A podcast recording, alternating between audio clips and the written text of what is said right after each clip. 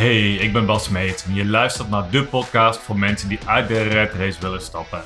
Ik deel mijn eigen ervaringen en ga in gesprek met anderen over thema's als zingeving, bewustzijn, spiritualiteit, persoonlijke ontwikkeling, carrière en startend ondernemerschap. Zo, ik zit hier vandaag in Utrecht op bezoek bij Jan Joost Kroon. En Jan Joost, die is auteur, spreker, geeft leiderschapstrainingen. Maar wat zo gaaf is, hij heeft een boek geschreven over de Italiaanse maffia aan wat we kunnen leren aan leiderschapslessen bijvoorbeeld voor ons eigen bedrijf. Uh, vanuit de maffia-organisaties. Dan Jan Joost, ik ben super benieuwd uh, wat, uh, wat die, de obsessie voor de maffia bij jou vandaan komt. Maar allereerst welkom, leuk dat ja, je er bent. Dankjewel voor de uitnodiging, Bas. Leuk. Gaaf. Hey, om uh, eerst even met jou kennis te maken. Ik, uh, ik ben altijd nieuwsgierig naar, naar, de achtergrond. En bij jou is er zo'n één groot thema in je leven, ja. hè? de Italiaanse maffia. Ja. Toen, toen ik eerst uh, van jou hoorde en jouw boek zag, dacht ik van... Maffia, crimineel. En wat, wat, kunnen wij daar nou van leren als, als ondernemers?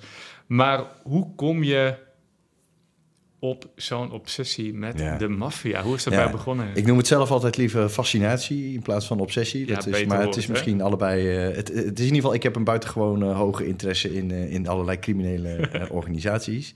Waaronder ook echt de Italiaanse maffia. En dat is eigenlijk begonnen toen ik ja, een jaar of 13, 14 was. En voor de eerste keer met El Pacino in aanraking kwam. Het is natuurlijk een bekende acteur in de film Scarface. En toen dacht ik, wat een bizarre film is dat überhaupt. Maar... Uh, ik, het genre trok me heel erg aan van dat soort films. En uh, Godfather, dat soort films die dan allemaal komen. En op een of andere manier was ik meteen geraakt door... Nou ja, de manier van samenwerken, de manier van met elkaar communiceren... de trouw en loyaliteit, wat ze van elkaar verwachten en eisen. En ja, vanaf dat moment is bij mij eigenlijk alles wat ik maar spaarde... Dat waren in die tijd nog videobanden en dat soort dingen allemaal. Ja. Uh, gingen allemaal over uh, iets met uh, criminele organisaties. En ja, dat is, dat is steeds verder gegroeid. Dus nou ja, dat waren dvd's later natuurlijk. Maar goed, boeken, tijdschriften, artikelen. alles wat je maar op YouTube aan filmpjes kan bedenken. Die heb ik inmiddels allemaal wel gezien. Um, simpelweg omdat het me gewoon enorm fascineert hoe die wereld in elkaar zit. En ja. Uh, nou ja, en, en in, in, eerste instantie moet ik ook heel eerlijk zeggen, Bas, dat ik me altijd wel een beetje geschaamd heb voor die fascinatie. Dat je denkt, ja, er is iets niet helemaal goed, uh, goed met jou. Dat je denkt, nou ja, weet je, hoe kan het nou dat je zo geïnteresseerd bent in zo'n bizar bedrijf? Misschien zit er gewoon een topcrimineel in je. Dat je denkt ja, van, hé, hey, ja. waarom? Uh, nou, dat, ik, ik moet heel eerlijk zeggen dat het, het, het zit hem gewoon in die, in, in, in die bizarre samenwerking. Maar ook die eer en loyaliteit wat ze van elkaar verwachten. Dat is bij mij wel iets wat heel erg blijft, blijft plakken. En uh, ja, dan voel je je wel een beetje een buitenbeentje. Want ja, dan uh, mm. vind je jezelf ook wel een beetje gek. Maar goed, ik ging studeren.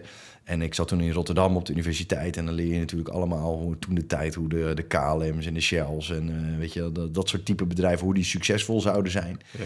En toen ging voor mij eigenlijk al de eerste keer een balletje rollen. Dat ik denk, ja, maar goed, ik ken nog een internationale Italiaanse multinational die ook heel goed zijn werkzaamheden uitvoert. En, uh, en ik moet er altijd bij zeggen, hè, dat is ook iets wat ik in mijn boek ook meteen doe.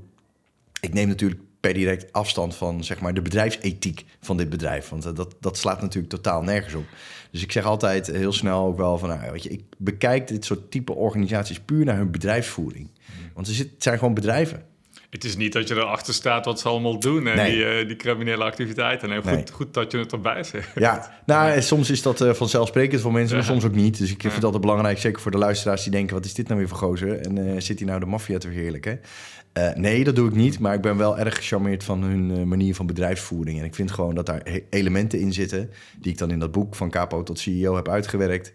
Um, en waarvan ik denk, ja, weet je, kijk vanuit dat perspectief eens naar je eigen bedrijf. En naar je eigen leiderschapsstijl. En ga niet knippen plakken, ga niet doen wat zij precies doen. Waardeer de knipoog, zeg ik altijd maar. En trek eruit wat je zelf interessant vindt om ervan te leren. En uh, ja, wat mij betreft staat er voldoende in voor iedereen om te denken van... oh ja, shit, zo doen wij dat eigenlijk ook. En uh, zij doet dat toch een stukje effectiever of uh, efficiënter. Ja, absoluut. Ik heb het natuurlijk net gelezen. Ik was net uh, een paar weken op vakantie. Een mooie tijd om jouw boek uh, door te lezen. En ja. ik heb er ontzettend veel uitgehaald. Ik was zo gecharmeerd ook van... Ja, de, de, de verhalen is natuurlijk een beetje spanning. En het is echt een... Uh, ik, ik, zag het een beetje aan de ene kant is het ook gewoon een beetje een...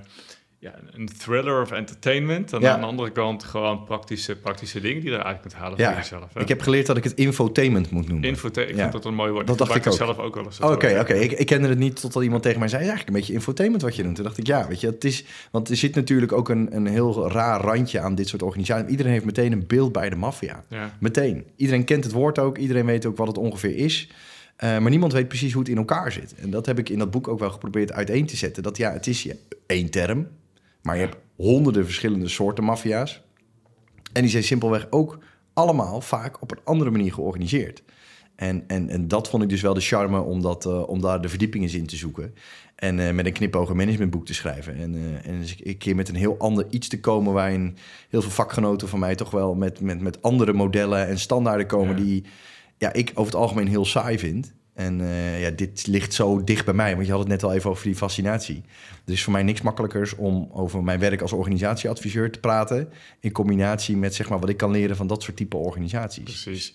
Maar wat je meteen doet, en dat is eigenlijk iets waar ik het later misschien over wil hebben, maar kijk, de, de hele entertainment is ook een trend. Kijk, de saaie boeken, de saaie leiderschapsboeken, alle saaie studieboeken die er zijn, hè, dus Ja. dat is nou allemaal wel gepubliceerd. Er Ja. is weinig nieuws. En al die droge, die droge stof, dat zijn we een beetje zat. Kijk, wat willen mensen? Ja, ze willen ook een beetje entertainment. Ja. Het moet leuk zijn, het moet makkelijk te verteren zijn. Ja. En dan kan ik me goed voorstellen hè, waarom jouw boek opeens eh, in, die, in die top 100 van managementboeken eh Ja, komt, te- komt te staan hiermee. ja, en dat is wel heel leuk want eh, het boek is ook genomineerd voor managementboek van het jaar. Wauw. En, en dat vind ik wel een, een compliment, omdat ik wel echt een heel ander boek schrijf dan alle andere schrijvers. Mm.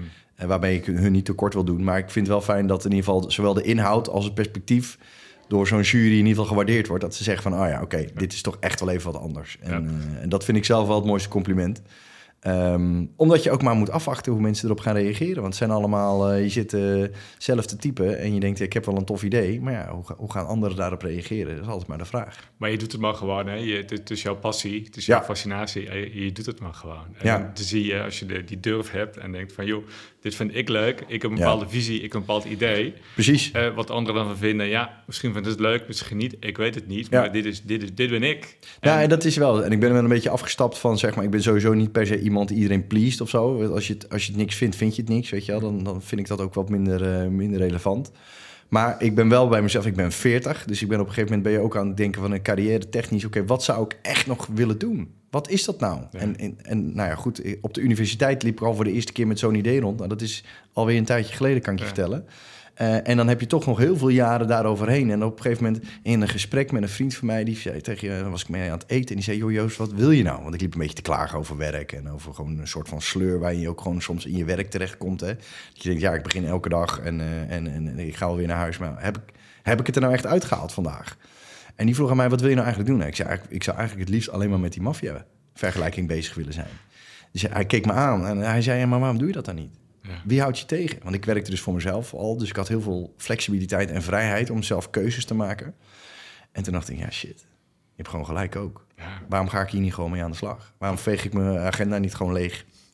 En eh, ga ik gewoon vol daarop inzetten? En ook met het idee, als het gaaf wordt, wordt het gaaf. Wordt het niks, wordt het niks. Maar Ja. ja, ik, ik wil dit. Precies. En, en dat, dat, die moet je voelen, hè? De, de, ik wil Ja. dit. Dat is vaak een reden waarom mensen natuurlijk ook niet, eh, dingen niet doen. Omdat ze zich te veel vasthouden aan ja, toch de verwachtingen van de, van de maatschappij, van Ja. anderen. En Ja. ja, dit, dit, dit. Eh, en, en gewoon bang zijn om een eigen passie, een eigen visie, een eigen kennis gewoon de wereld in te brengen. Ja. Gewoon door ja, te denken, ja, wat, wat als anderen er niks van vinden? Of, Ja. of juist Nou ja, en ik denk dat, dat het voor heel veel mensen lastig is om, Mm. eh, om daarin ook gewoon de stap te nemen van ja, wat vindt, wat vindt mijn partner, wat vindt mijn familie, wat vinden mijn vrienden Juist, ervan als ik dit dat. ga doen. Hè? Want dat ligt natuurlijk eigenlijk, eigenlijk heb je daar het meeste last van als die het niks vinden, weet je wel. Dat een wildvreemde van mij mijn boek niks vindt, dan denk ik ja, jouw probleem. Ja, maar dan. Ja. Ehm, maar stel dat jouw partner het niks vindt, dan ga je toch wel even nadenken. Dus daar, weet je, die motivatie heb je ook nodig. Dat iemand in je omgeving eh, ook gewoon steunt en de vrijheid geeft om ook maar gewoon te gaan doen. Want dat boek, eh, toen ik eenmaal de knop om had gezet en eh, toen ik ben gaan schrijven, heb ik het echt in vier maanden geschreven. Dat is voor het schrijven van een boek best wel snel. Mm. Maar ja, het zat al zo lang in mijn hoofd. En dan heb je een structuur. Maar ja, dan heb je wel gewoon de tijd nodig dat ik gewoon eh 10, 12 uur per dag, zes dagen in de week kon schrijven. Mm, Ja, Juist. dan moet je wel meters maken. En dan heb je natuurlijk ook wel een beetje ruimte van thuis nodig in mijn geval. Om dat ook allemaal te kunnen doen. Ehm, maar dan ook wel weten van oké, weet je, dit wil ik. En dit gaan we regelen ook. Dit boek gaat er komen. Het was niet eens meer de vraag of het er kwam, maar meer wanneer. Precies, dan En- ben je zo committed. Ja, en, dat, en, en omdat het zo dicht bij je ligt, Mm.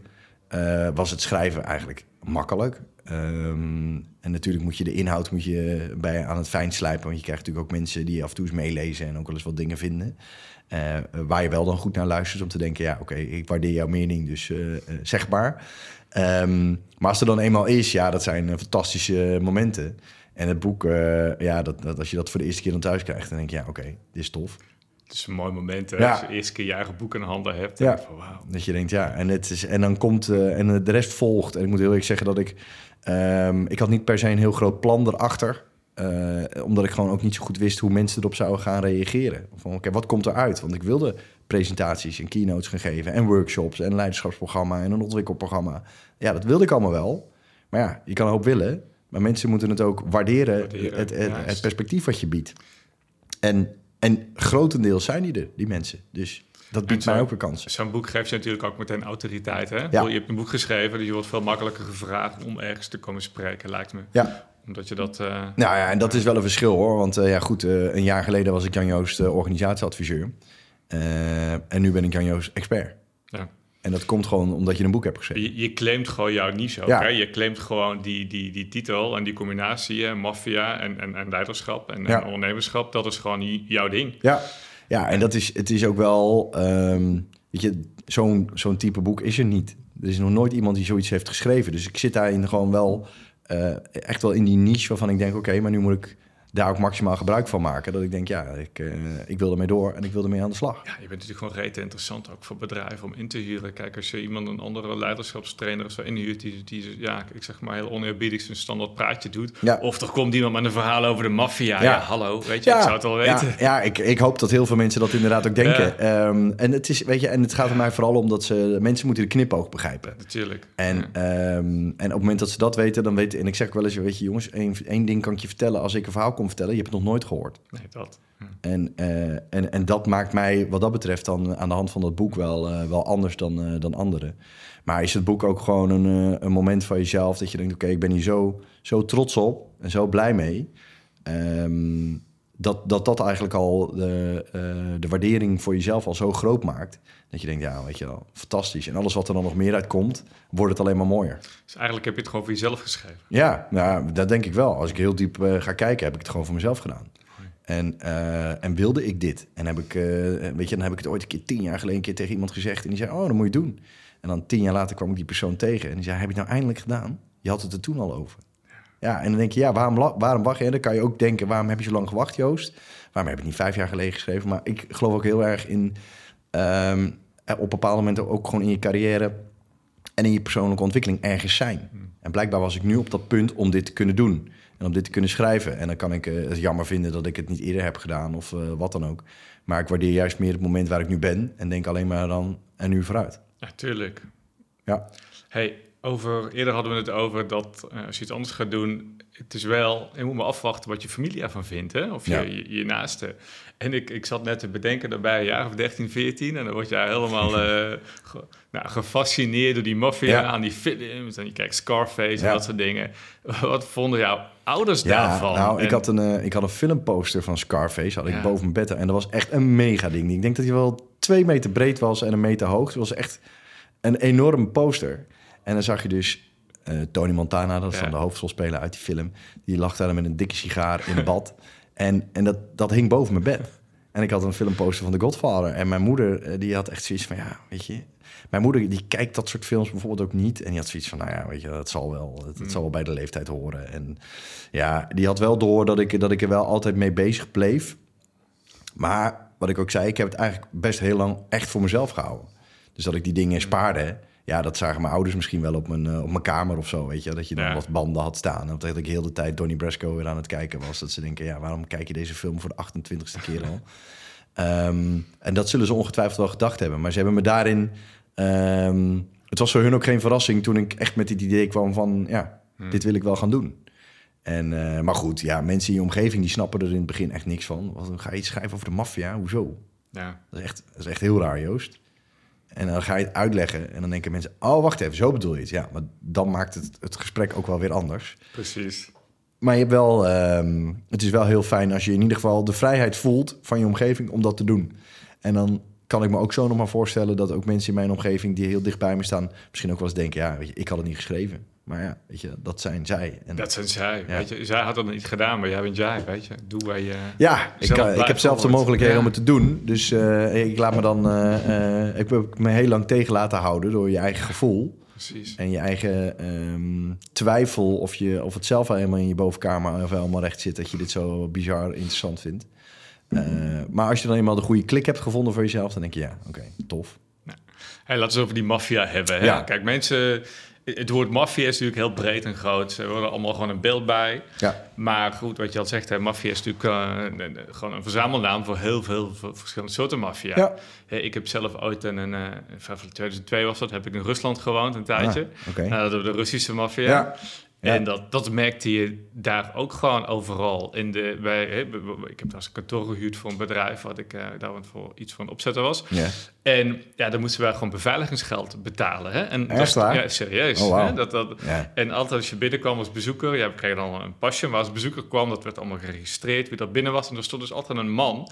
Uh, zo'n soort, en zijn militaire outfit was geen militair... maar met, met, een Kalashnikov of weet ik wat hij had... die stond daar... Ja, die werd daar neergezet Ja. in dat pand. Dat was Ja. gewoon je, je protection. Ja, waarom had je die nodig? Geen idee, maar Hij was er wel. hij was er wel. Hè? En, en dan moest je voor betalen.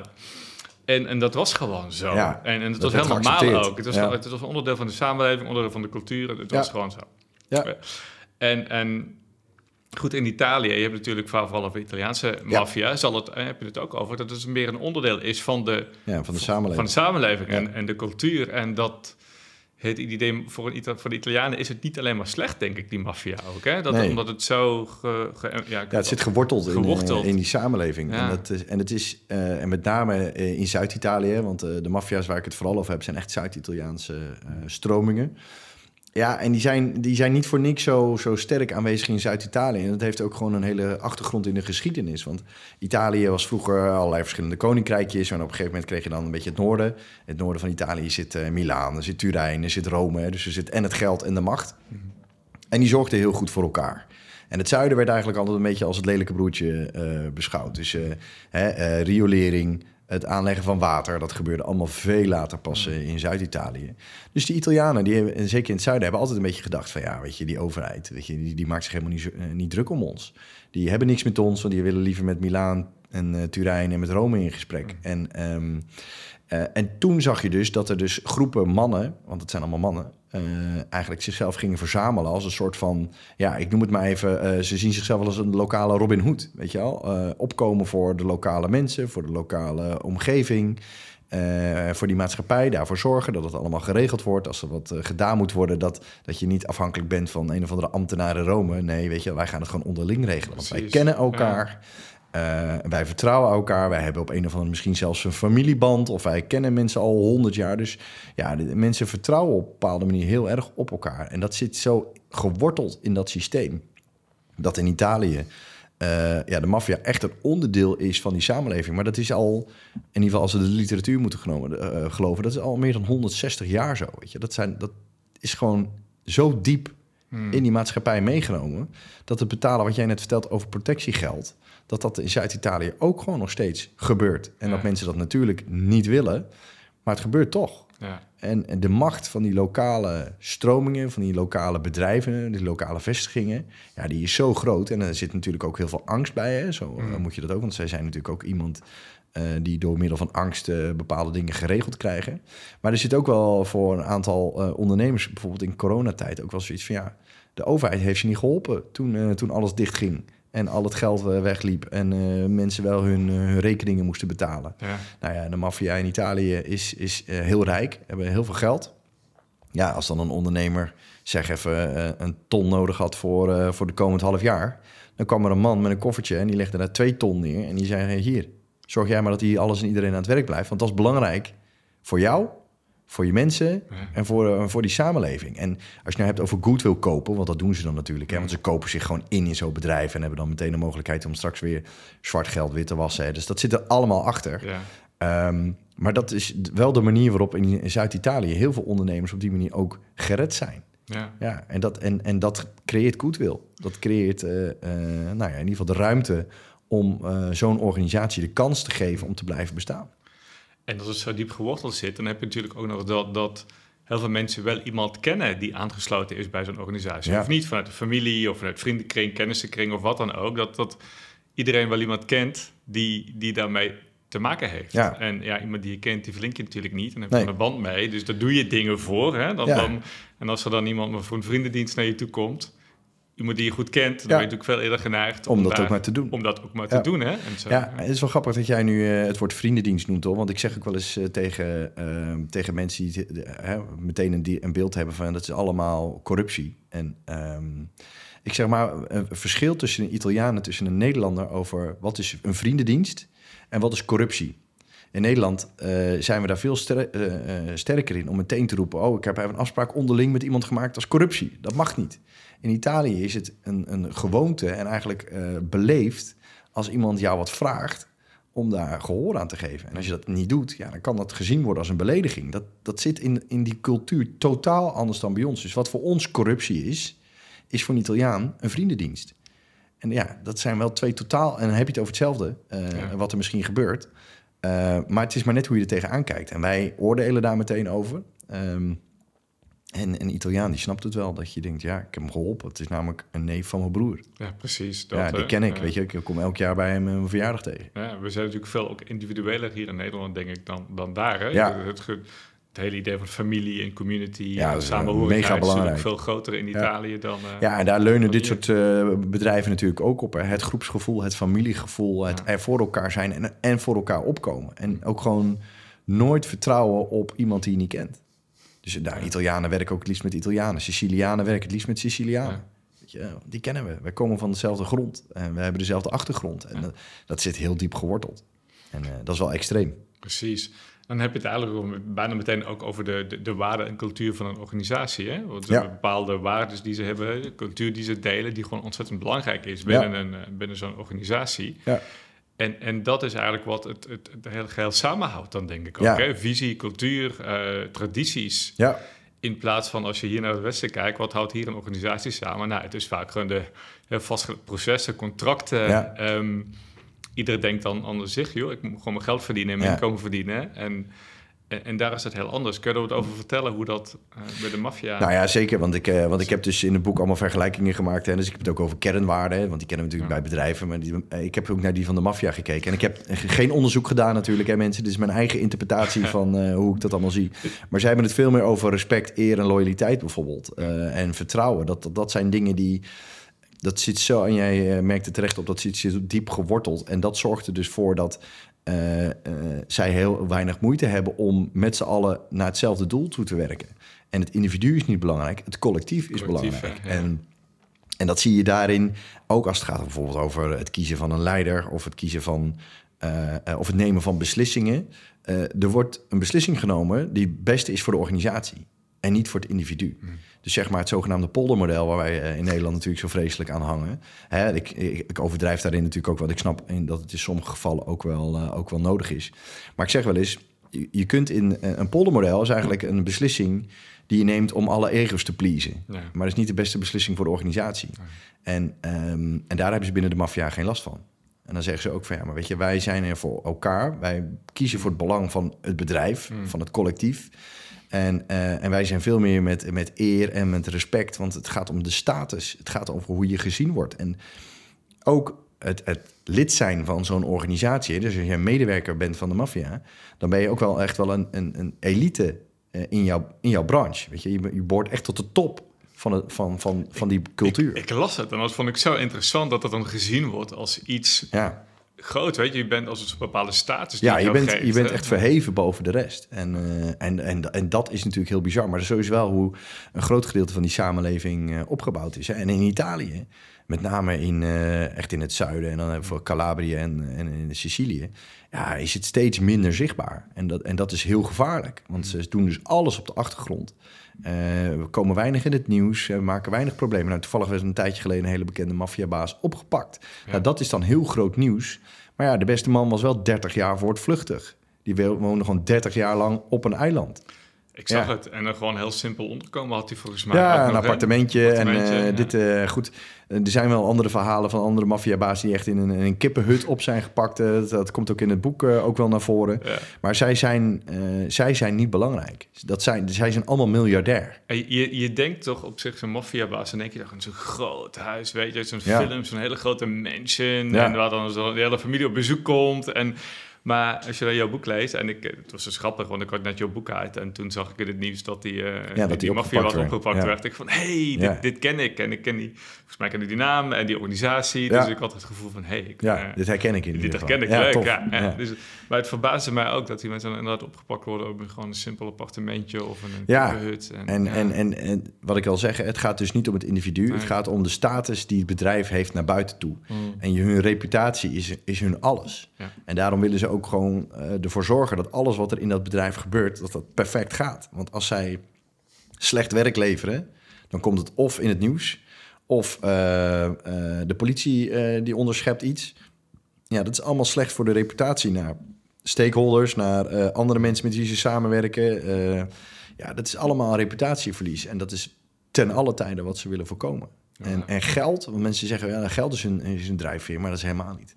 Is een middel om dingen geregeld te krijgen. Maar of ze nou 5 miljard of 10 of 20 miljard hebben, maakt echt helemaal niks uit. En dat zie je, eh, dat is echt een denkfout van heel veel mensen, dat het alleen maar om geld gaat. Nee, het gaat om status. status. Ja. Ja. Dat is veel belangrijker. Hey, want we hebben het boek gaat het over de drie belangrijkste, of over drie belangrijke organisaties. Hè? De maffia, de, was het de Cosa Nostra was Ja, het. de Ndrangheta en- uit Calabrië precies. en de Camorra uit, eh, uit Napels. Ja, En eh, ik heb die drie gekozen, omdat, want er zijn er dus nog veel meer ook in Italië.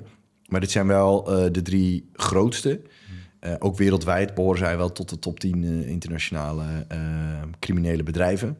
Ehm, maar wat ik vooral van hun interessant vond, dat ze eigenlijk alle drie een andere bedrijfsvoering hebben. Mm. Eh, dus bijvoorbeeld de Camorra, die komt uit Campanië, met Napels voor de meeste mensen als bekendste stad. Dat vergelijk ik zelf dan met MKB-bedrijven, omdat ze zijn, eh, ze zijn wat snel, eh, ze zijn wat wispelturig, ze durven meer risico's te nemen, ze hebben eigenlijk wat minder structuur, wat minder regels. Het is allemaal gewoon wat, wat laagdrempeliger, noem ik dat maar even. En dan heb je de Ndrangheta, en dat is eh, een van de grootste criminele organisaties misschien, ter wereld, misschien wel de grootste op dit moment. En dat is echt een familiebedrijf en die komen uit Calabrië. En ja, daar kun je dus alleen maar onderdeel van worden van die organisatie als je op een of andere manier door bloed aan elkaar verbonden bent. Hè. Dus je kunt je voorstellen dat het voor politie en justitie extreem moeilijk is om daartussen te komen. Want ja, eh, als er een keer iemand opgepakt wordt, ga je je vader verraden, ga je je broer verraden Ja, of je neef. Ja, da- daar denk je dan toch nog wel even twee keer over na. Dus dan, dat is echt het idee van de, van de familie, hè? van de family, de maffia-familie, Ja, waar je zo'n waar je- typisch waar je beeld van hebt vaak. hè. trouw aan blijft. Ja. En, eh, en dan de derde stroming is de Cosa Nostra, die komt uit eh, Sicilië. En eh, zij zijn, eh vergelijk ik meer met corporate bedrijven en met, eh, en met overheidsbedrijven, gewoon simpelweg omdat ze veel meer structuur hebben, hiërarchie, regels. Heel duidelijk afgestemd wat, er, wat er allemaal moet gebeuren. En dat zie je natuurlijk bij corporate bedrijven eigenlijk ook. Je ziet al heel snel eigenlijk hoe de dingen in elkaar zitten, wat je carrièrepad is, waar je misschien over vijf of tien jaar aan het werk komt. Ja. Ja, dat is bij hun ook veel duidelijker van tevoren al bekend. En eh, ja, dat is bij die andere twee wat minder.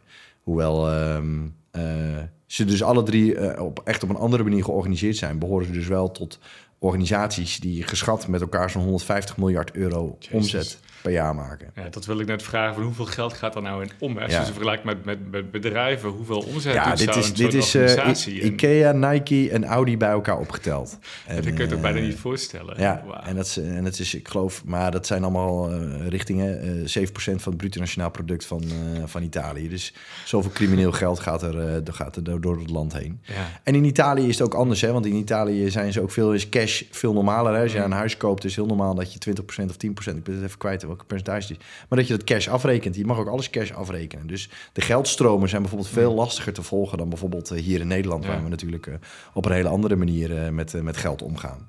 Maar ehm, ja, dat zijn waanzinnige bedragen. En dat zijn natuurlijk schattingen. Hè? Dus zeg maar de, eh, de, de, de lokale, of de Italiaanse FBI noem ik het maar eventjes, die, die maakt dit soort schattingen. Want ja, ze, nergens wordt natuurlijk een, eh, een jaarrekening gedeponeerd of zo. Dus het zijn allemaal maar schattingen van wat er ongeveer eh, om zou moeten gaan in die, in die, in die structuur of in die, binnen die bedrijven. Maar het zijn waanzinnige bedragen als je dat allemaal Ja. voorbij ziet komen.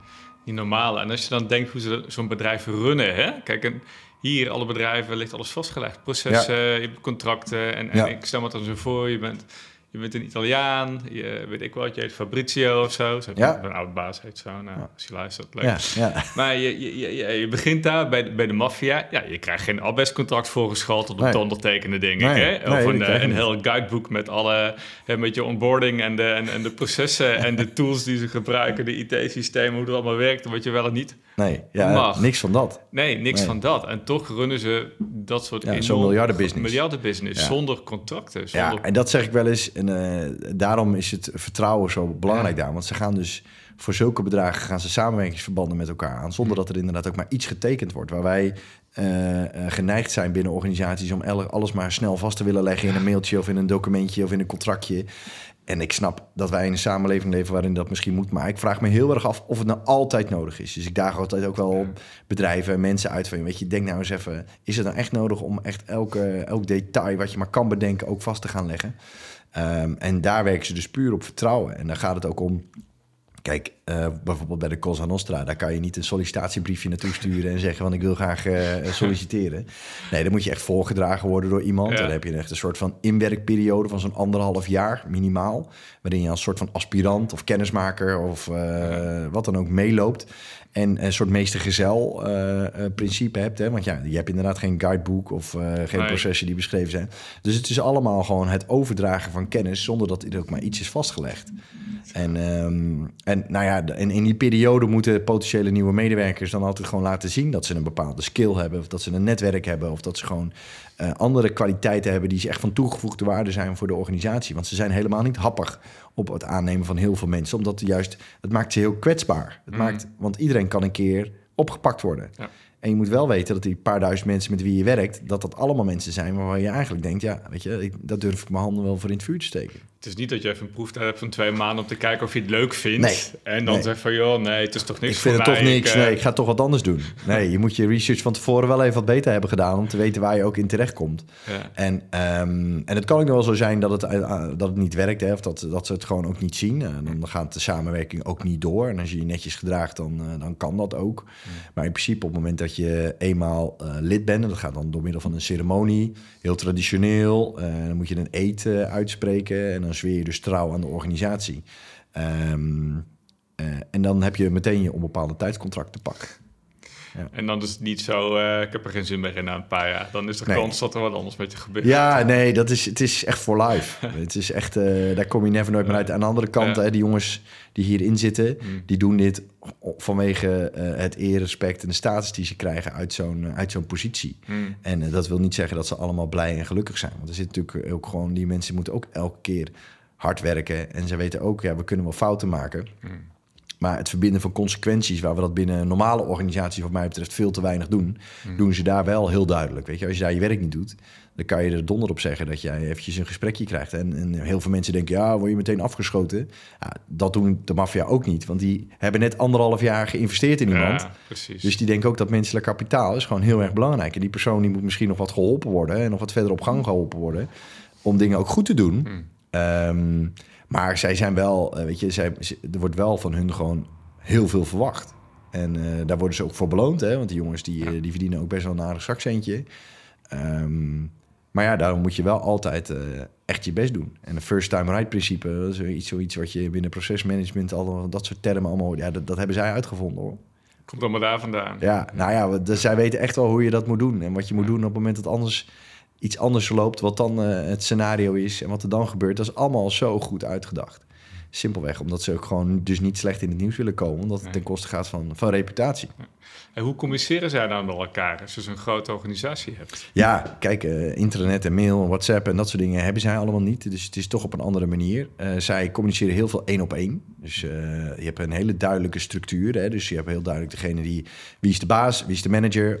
wie, is, wie is meer de uitvoerende personen binnen die organisatie?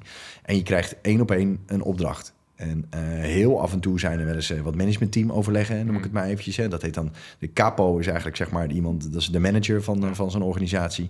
En die komen wel op bepaalde momenten bij elkaar. En die bazen, die, die komen ook op bepaalde momenten wel bij elkaar. Simpelweg om ook gewoon even te kijken van jongens, zijn we met de goede dingen bezig?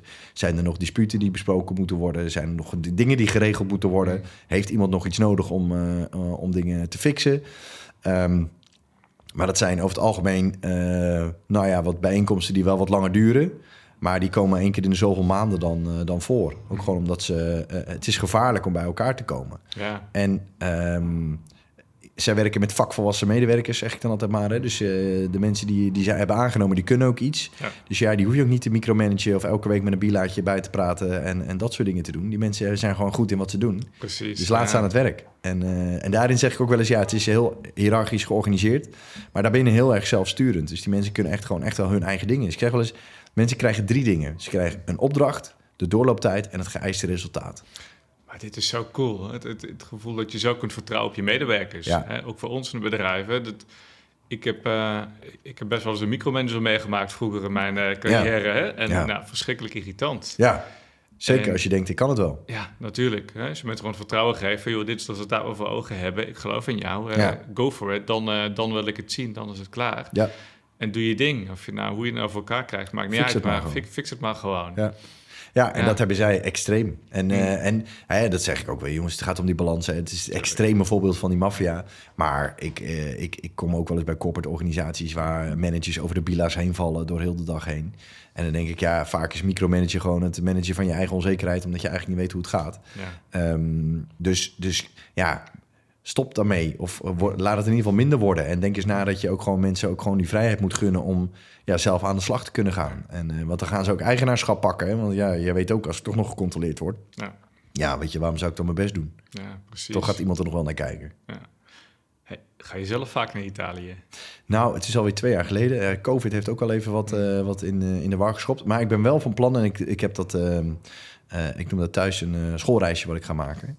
Eh, gewoon omdat ik even naar de, zeg maar de drie provincies ga waar, Ja. eh, eh, waar ik ook over schrijf. Ja. Ook om gewoon op plekken te komen waar ik... want ik ben wel een aantal keer op Sicilië geweest... maar ik wil graag naar Calabria en naar Napels... om daar wat dingen te zien en te ervaren... waar ik al zoveel over gelezen Ja. heb en, en ook nu over geschreven heb... dat ik, ik wil zelf zeg maar op die plekken staan. En, om, om die spanning ook te voelen. Dus ik zoek dan ook wel een beetje die spanning op. Ja, dat snap ik. Het is natuurlijk gewoon een groot avontuur om op die plek Ja. te komen. En, en ja, het gevoel een beetje te, te krijgen dat je er middenin zit of Ja. zo een beetje. Ja, dat je even staat op de plek waarvan je weet... oké, dat is Ja. hier is daar gebeurd, dit is daar gebeurd. Oh, dat was daar. Oh, ziet het er zo uit. Ja, gewoon het gevoel. Misschien word je nog een keer gerecruiteerd daar. hè? Nou, dat, dat kan niet, want ik, eh, ik voldoe niet... eh, ik zeg wel eens, ik weet niet of je het boek De Zeven Vinkjes eh, kent. Nee. Nou, dat is zo'n boek van eh Luijendijk. Ik ben even zo, Joris Luijendijk. Eh, en bij de maffia hebben ze vier vinkjes. Hè? Dus waar moet je voldoen om aangenomen te kunnen worden of onderdeel te zijn? Nou, je moet man zijn, je moet Italiaan zijn, je moet 18 jaar of ouder zijn en je moet heteroseksueel zijn. Nou, ik ben het meeste wel, maar ik ben geen Italiaan. Dus dat, is, eh, dus dat maakt het voor mij al niet, eh, niet mogelijk. Geldt dat ook voor de, Italiaanse maffia? Die, die, die reiken natuurlijk ver buiten de Italiaanse Ja. grenzen. Hè? Ja. Zeker in Amerika, New York, denk ik. Ja, Ja, heel, heel bekend, erg. hè? Maar zijn het dan ook allemaal Italianen die daar... Van huis uit zijn het allemaal wel familiebanden die er nog zijn. En eh, op een gegeven moment, zeker toen, eh, eh, nou wat is het, begin, ja zeg maar rond 1910, 19, 1920 gingen er heel veel Italianen geluk, geluk zoeken in, in, in Amerika, met name in New York. En die namen gewoon hun criminele traditie namen ze ook mee. Dus dat, dat waren van oorsprong wel allemaal Italiaanse families die daar dan eh, ook hun traditie, hun criminele traditie, ook in dat soort steden gingen doorzetten. En, eh, en daar ook extreem groot zijn geworden. En nog steeds heel groot zijn. Ehm, ook wel omdat er ook gewoon binnen die criminele wereld worden die Italianen wel gewoon gezien als, ja, zeg maar, weet je, de nummer één. ja, Ze hebben, ze hebben op een of andere manier gewoon die positie geclaimd. Ja. En, eh, en, en, en, maffia, eh, en dat is heel vervelend voor Italianen, is ook een Italiaans woord. ja. Dus wij hebben bedacht eh, dat als je wat, eer- wat eer- maffia wordt ook wel een beetje een term die ook wel een beetje zeg maar verkeerd gebruikt wordt. Want eigenlijk mag je het woord maffia alleen maar gebruiken als het gaat over het uitvoeren van criminele activiteiten over een langere periode van 25 jaar en langer. Dan mag je iets pas maffia noemen. Dus wij noemen heel vaak is een bende, dus maffia of wat dan ook. ja. Maar dit, dit geeft wel aan dat er al echt wel wat tradities en wat, eh, wat historie binnen dit soort bedrijven al zijn. En eh, ja, die tradities in New York die zijn gewoon meegenomen uit, eh, uit het moederland. Precies. En ja, dat zijn inmiddels natuurlijk gewoon echt Amerikanen geworden. Maar op een of andere manier is er wel een bloedlijn nog, nog terug naar Italië te vinden. ja, precies. Ja, Heb je, heb je ook Italiaans geleerd hiervoor? ja, ja. Ik ben, eh, je hebt in Vught heb je een, eh, de nonnen. Ja, en eh, daar, heb het. ik, daar ben ik naartoe gegaan om Italiaans te leren. Eigenlijk alleen maar om te lezen en om te luisteren. Omdat het mij vooral ging omdat mijn bronnen op waren, zeg maar. De Nederlandse bronnen zijn beperkt. Hmm. Engelse bronnen zijn er dan best wel een stuk meer. Hmm. Maar ja, de Italiaanse bronnen zijn gewoon echt zoveel meer. Dat, ja, op een gegeven moment wilde ik meer verdieping. En dat vond ik niet in, eh, in zeg maar de Engelse of de Nederlandse literatuur. Dus toen dacht ik, ik ga Italiaans leren. En je zei ook net voordat we de, de podcast begonnen, hè, dus een paar weken geleden was eh, is die, die, die, die capo opgepakt. Hè? Ja, En dan is jouw dag die verloopt anders dan, dan Ja. je gepland had. Hè? Ja, Als je dat nieuws hoort, hoe ging dat? Op het Ja. moment dat je dat, dat, dat dan hoort. Ik, ik kwam eh, op, eh, op kantoor en ik klikte eventjes mijn LinkedIn open... en dan volg ik een Italiaanse journalist. En, ehm, en hij schrijft heel veel over de maffia. En ehm, hij had een foto van die baas, Denaro, eh, in zijn bericht. En het eerste wat ik dacht, nee, is die opgepakt? En toen las ik dus dat hij inderdaad die- ochtend in, eh, in, eh, in Palermo... in de buurt van... of in Trapa, nee, Palermo opgepakt is. Bij een kliniek. Ja, en dan, dan... Ja, dat is een man waar ik al, ja, al 25 jaar over lees. Ja. En dan van dat dat ik weet dat hij de hoogste baas was van de Cosa Nostra, van de Siciliaanse maffia. Dat hij al 30 jaar voortvluchtig is.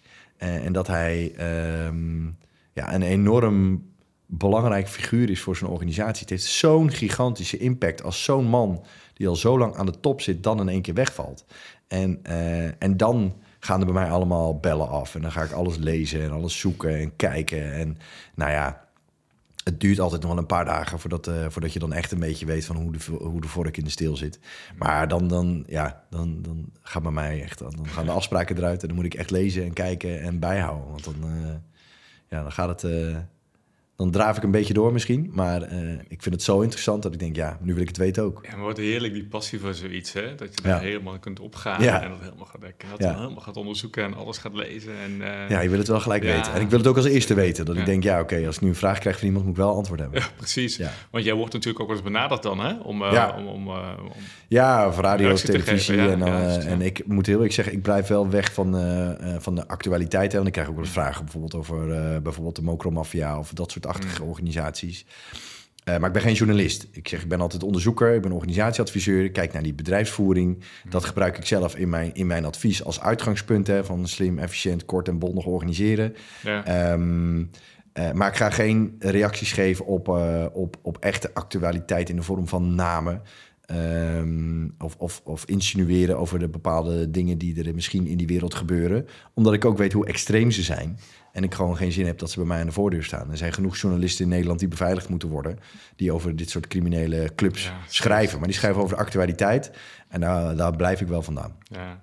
Hey, wat zou zo'n boek van jou, wat zou dat in Italië doen als je dat in het Italiaans zou uitgeven? Er was Ja, over ja, ja weet je, het boek wordt op dit moment in een aantal buitenlanden wordt het ook aangeboden. En eh, ik had ook eventjes geschakeld met iemand die dat doet. Van ik zeg, eh, wordt het ook naar Italië, wordt het daar voorgesteld.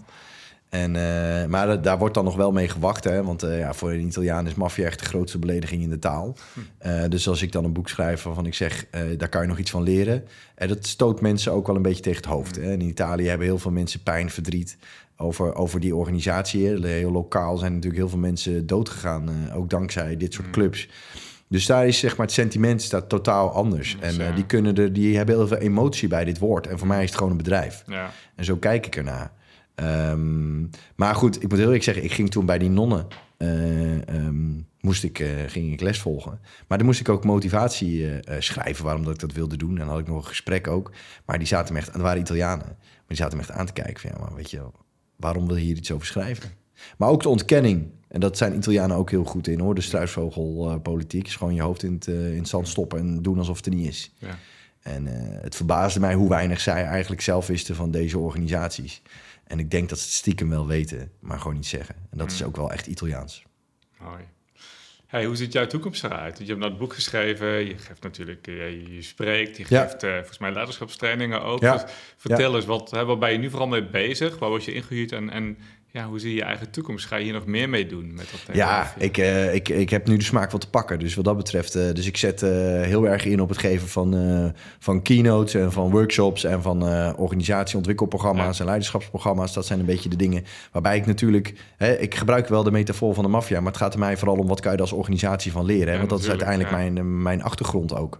Eh, en, en daar zit in dat concept zit gewoon nog heel erg veel, omdat het een, eh, een manier van uh, organiseren is die nou, misschien een beetje tegen de stroming ingaat. Hè, want het moet vooral heel veel samen en met z'n allen. En, en daar denken ze binnen de maffia ook wel eens wat anders over. Het mag soms ook wel eens wat directiever en wat duidelijker en wat korter en wat sneller. En uh, nou, daar zet, ik, daar zet ik echt maximaal op in. En ik krijg ook heel veel vragen, komt er nog een keer een vervolg? En dat, dat gaat er komen. En dan gaat het veel meer echt over, specifiek over leiderschap. En dan trek ik het ook wel wat breder dan alleen maar de Italiaanse maffia. Maar er zijn heel veel bekende uh, maffiabazen in de wereld... die, uh, dat zouden echt top-CEO's overal in de wereld kunnen zijn. En uh, om daar eens wat dieper in te duiken... van wat zijn dan de dingen die zij dan zo goed deden. En, ja. en, en daar valt en daar ben ik al wel ook wel een beetje mee bezig. Maar ik moet nu heel eerlijk zeggen, het gaat me nu vooral even dat ik nu op die andere fronten vooral aan de slag ga. Uh, maar het concept is zeker nog niet klaar. Ik ben heel nieuwsgierig naar wat er nog gaat, uh, ja, gaat komen. Ja. Hey, als mensen jou, uh, jouw boek willen lezen, waar kunnen ze terecht? Waar kunnen ze het kopen? Nou, ze kunnen het sowieso kopen op, op de website van capo tot CEO.nl of op gewoon op managementboek.nl. Eigenlijk op alle grote kanalen is die wel te vinden. En als ze van mij meer willen weten, dan kunnen ze op janjooskroon.nl kijken. Want daar staat eigenlijk alles op wat ik, wat ik doe. Nou, superleuk. Hey Jan-Joost, hartstikke bedankt. Ja. Het is superleuk om leuk, met je over dit onderwerp te praten. En uh, misschien over een tijdje, als er een vervolg komt, dan uh, kom ik nou, een keer bij je Hartstikke leuk. Dankjewel. Hey, dankjewel. Je luisterde net naar Uit de Red Race met Bas Meets. En je zou mij een enorm plezier doen wanneer je deze podcast een review of sterrenrating zou willen geven op Apple Podcasts of op Spotify. Wil je meer weten over het werk dat ik doe? Kijk dan op www.maakjouwimpact.nl